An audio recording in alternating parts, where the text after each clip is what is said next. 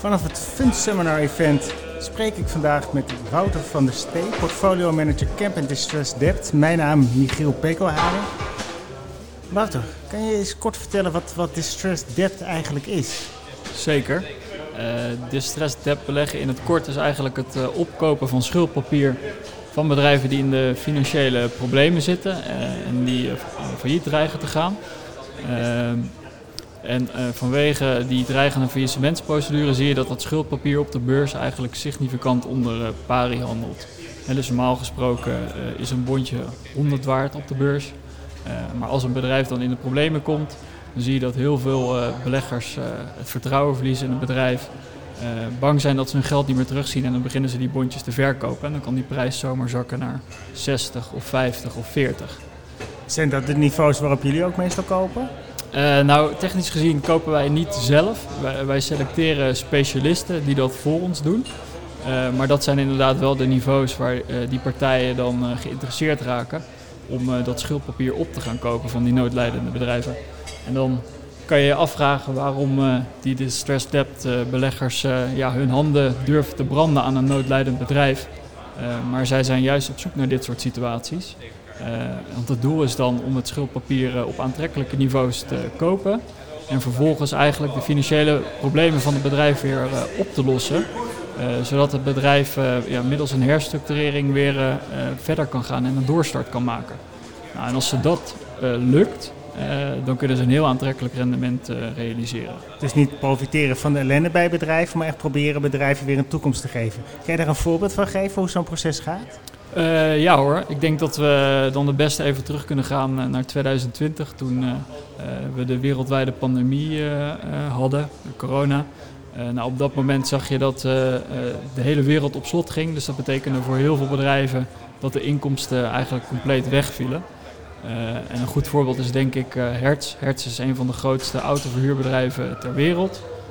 zij hebben in het verleden ja, veel overnames gedaan met veel schuld hebben ze dat gefinancierd.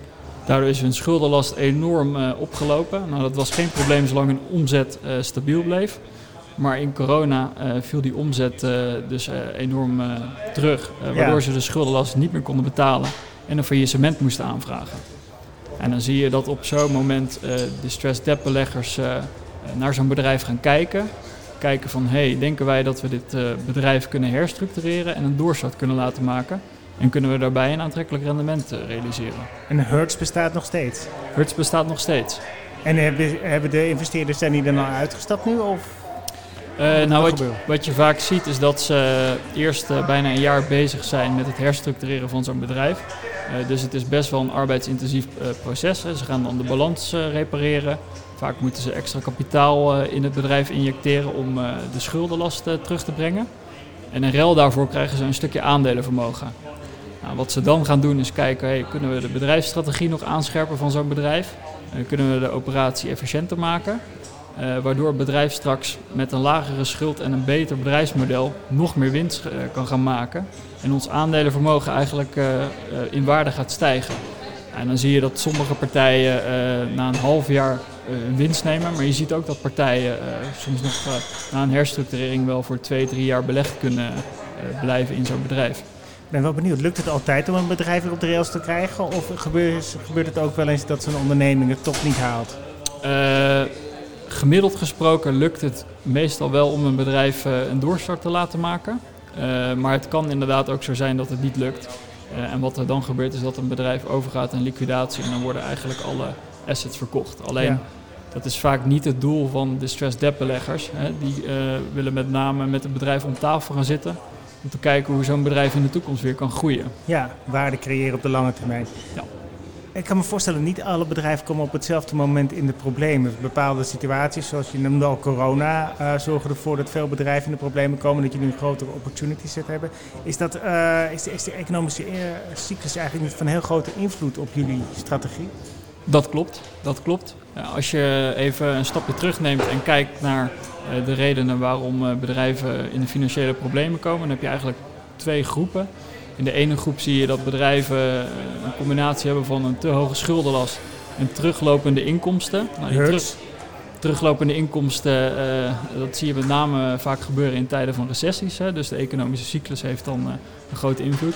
Maar wat je ook wel ziet is dat je soms uh, meer onvoorspelbare events uh, kan hebben waardoor een bedrijf in de financiële problemen komt. Bijvoorbeeld als ze een grote schadeclaim aan hun broek krijgen omdat ze verantwoordelijk worden gehouden voor bijvoorbeeld het veroorzaken van bosbranden of omdat ze in de Verenigde Staten betrokken zijn bij de grootschalige verkoop van verslavende medicijnen. nou, als zo'n bedrijf dan daar verantwoordelijk voor wordt gehouden, kunnen ze een grote schadeclaim krijgen en uh, vaak kunnen ze dan die niet betalen.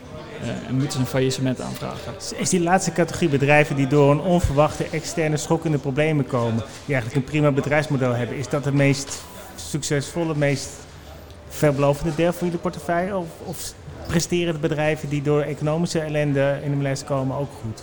Uh, ik denk dat dat per saldo niet zo heel veel uitmaakt. Hè. de stressbeleggers gaan kijken of een bedrijf te redden is. Of dat dan komt, uh, een bedrijf in een probleem is gekomen door de financiële crisis of door bijvoorbeeld een grote boete. Dat maakt niet zoveel uit. Ze gaan kijken of ze het probleem kunnen oplossen. Maar wat je wel vaak ziet, is dat uh, die idiosyncratische events, waardoor bedrijven in de problemen komen, dat die vaak ja, worden veroorzaakt door een slecht onderliggend ESG-beleid van die bedrijven. en dat is goed op te lossen.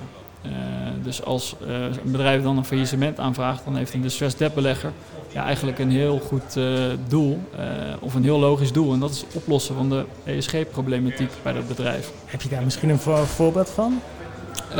ja, dan denk ik direct aan PG&E. Dat is een heel groot Amerikaans nutsbedrijf. in Californië zijn zij gehuisvest. ze nou, leveren elektriciteit en gas aan miljoenen huishoudens daar. Uh, en wat je uh, vijf, tien jaar geleden zag bij dat bedrijf is dat ze eigenlijk een cultuur hadden die eigenlijk alleen maar gefocust was op het genereren van zoveel mogelijk winst. Nou, als gevolg daarvan uh, investeerden ze niet genoeg in de stabiliteit en veiligheid van hun elektriciteitsnetwerk. wat vervolgens ertoe leidde dat het elektriciteitsnetwerk verantwoordelijk was voor het veroorzaken van heel veel bosbranden in Californië in 2017 en 2018. Toen ze daarachter kwamen uh, en, en PG&E daar ook verantwoordelijk voor werd gehouden, hebben ze volgens mij een schadeclaim van uh, bijna 30 miljard dollar aan hun broek gekregen. Uh, en, en, moesten ze een faillissement aanvragen. Ja. Nou, wat je toen zag is dat de distressed debt community, maar ook andere investeerders, ja, dan de, de, mouwen opstroken. geld in het bedrijf stoppen, maar ook de cultuur daar proberen te veranderen. Nou, dat hebben ze in een aantal jaar tijd, denk ik, goed gedaan. Uh, en wat je nu ziet is uh, dat PG&E eigenlijk een van de meest duurzame nutsbedrijven in Amerika is. Ze zetten nu bijvoorbeeld enorm in op de transitie naar uh, duurzame energie in Californië. Californië wil volgens mij in 2045 net zero zijn als staat. maar PG&E wil dat als bedrijf al in 2040 zijn. In de staat Californië heeft een nutsbedrijf als PG&E, die de energie aan heel veel huishoudens eh, levert, ja, ook echt wel nodig om eh, haar eigen doelen te kunnen realiseren. Dus ze, ze, het bedrijf heeft echt een toekomst dan. Zeker, ja. En, en uh, we hadden het net al even over de economische cyclus. Nou, je hoort steeds meer verhalen, hoge inflatie, dreigende recessie. Uh, is dat een vruchtbare grond mocht er een recessie komen? Of is het sowieso een beetje een rare tijd? Omdat we eigenlijk een coronaperiode hebben gehad waarin de overheid heel veel bedrijven overeind heeft gehouden die uh, onder andere omstandigheden waarschijnlijk zouden zijn omgevallen. Nou, dus wat je inderdaad ziet is dat uh, in tijden van corona heel veel bedrijven overeind zijn gehouden door een hoop overheidssteun, maar ook door steun van centrale banken. De rentes zijn heel erg laag gehouden in 2020, maar ook in 2021. Daardoor waren heel veel zwakke bedrijven eigenlijk in staat om toch nog nieuw uh, schuld op te halen op de markten. Waardoor hun schuldenberg enorm hoog is, is geworden. En wat je nu ziet in de huidige macro-economische omgeving, waarin we enorm veel problemen hebben, zoals inflatie, de gascrisis in Europa, maar ook een verzwakkende consument als gevolg van de gascrisis in Europa ja, dan zie je eigenlijk dat, dat de vraag naar goederen langzaam begint terug te vallen voor heel veel bedrijven. Plus dat die bedrijven zelf aan de inputkant ook te maken hebben met stijgende kosten door het inflatieprobleem. Dus de marges komen ja. dan onder druk te staan. Nou, tel daarbij op de hoge schuldenlast die veel bedrijven hebben als ja, Met, met lage rente gefinancierd is het makkelijk om ja, die schuldenlast op te Precies. stapelen. En de rentes zijn dit jaar enorm hard gestegen. Ja. Eh, dus dat, dat, ja, dat, eh, De komende maanden, kwartalen, welke periode schat je in dat het... eh, dat is altijd lastig te zeggen. Dat hangt er ook vanaf wat centrale banken gaan doen, denk ik. Eh, maar het is wel, eh, eh, het is zeker zo dat er wat begint te borrelen. Dus wij zien wel tekenen in de markt van stress. Eh, we zien steeds meer bedrijven in de problemen komen, op zoek gaan naar een noodfinanciering. Ja, en als dat niet lukt, eh, toch ook wel een faillissement aanvragen. ja, We zijn er nog niet, maar we denken wel dat het eh, de komende maanden alleen maar zal toenemen. Ja, en op dat moment wordt het heel erg interessant om in eh, distressed debt te beleggen. het verhaal is op zich vrij duidelijk, maar beleggers kijken vooral naar cijfers in plaats van naar letters. Hoe, wat kan je vertellen over de verhouding tussen risico en rendement van deze asset class? En op welke wijze plaatsen beleggers het in hun portefeuille? Is het een strategische holding? Is het meer tactisch op basis van die economische cyclus die we net bespraken? Hoe werkt dat? Eh, nou, we hebben eh, laatst toevallig de eh, rendementcijfers van eh, distressed debt als categorie afgezet tegen de S&P 500-index. Dus dat zijn de 500 grootste aandelenbeleggingen in Amerika.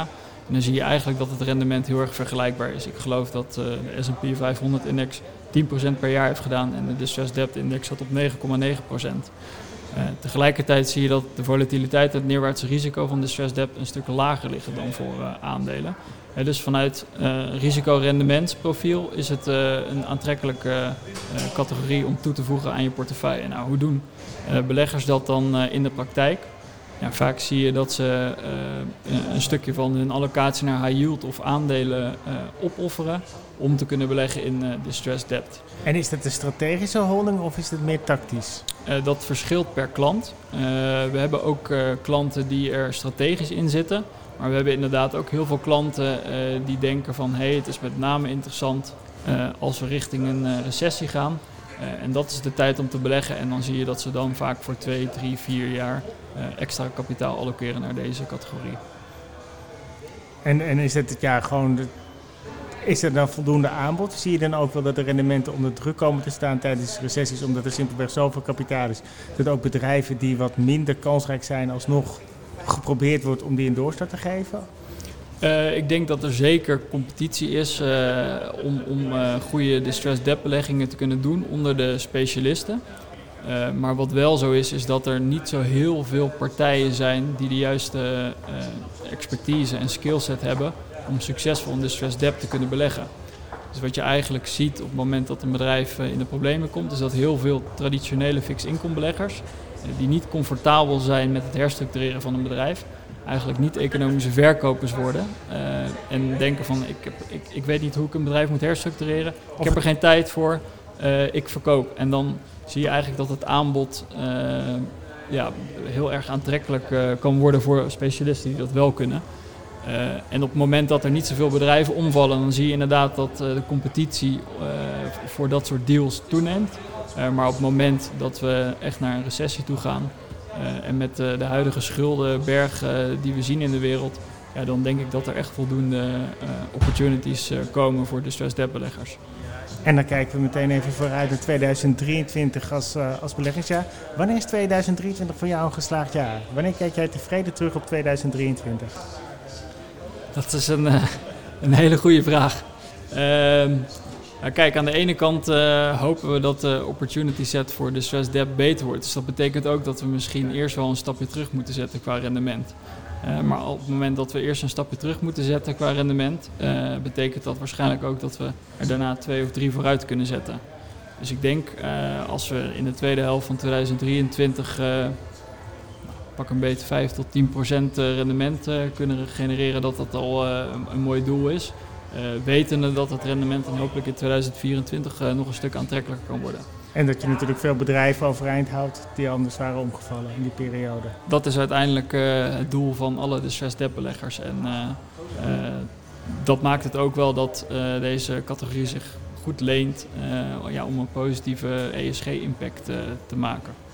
Dat is een mooie afsluiter van dit podcast op het Fund Seminar. Ik sprak met Wouter van der Stee, portfolio manager Camper Distressed Debt. Mijn naam, Michiel Pekelharing.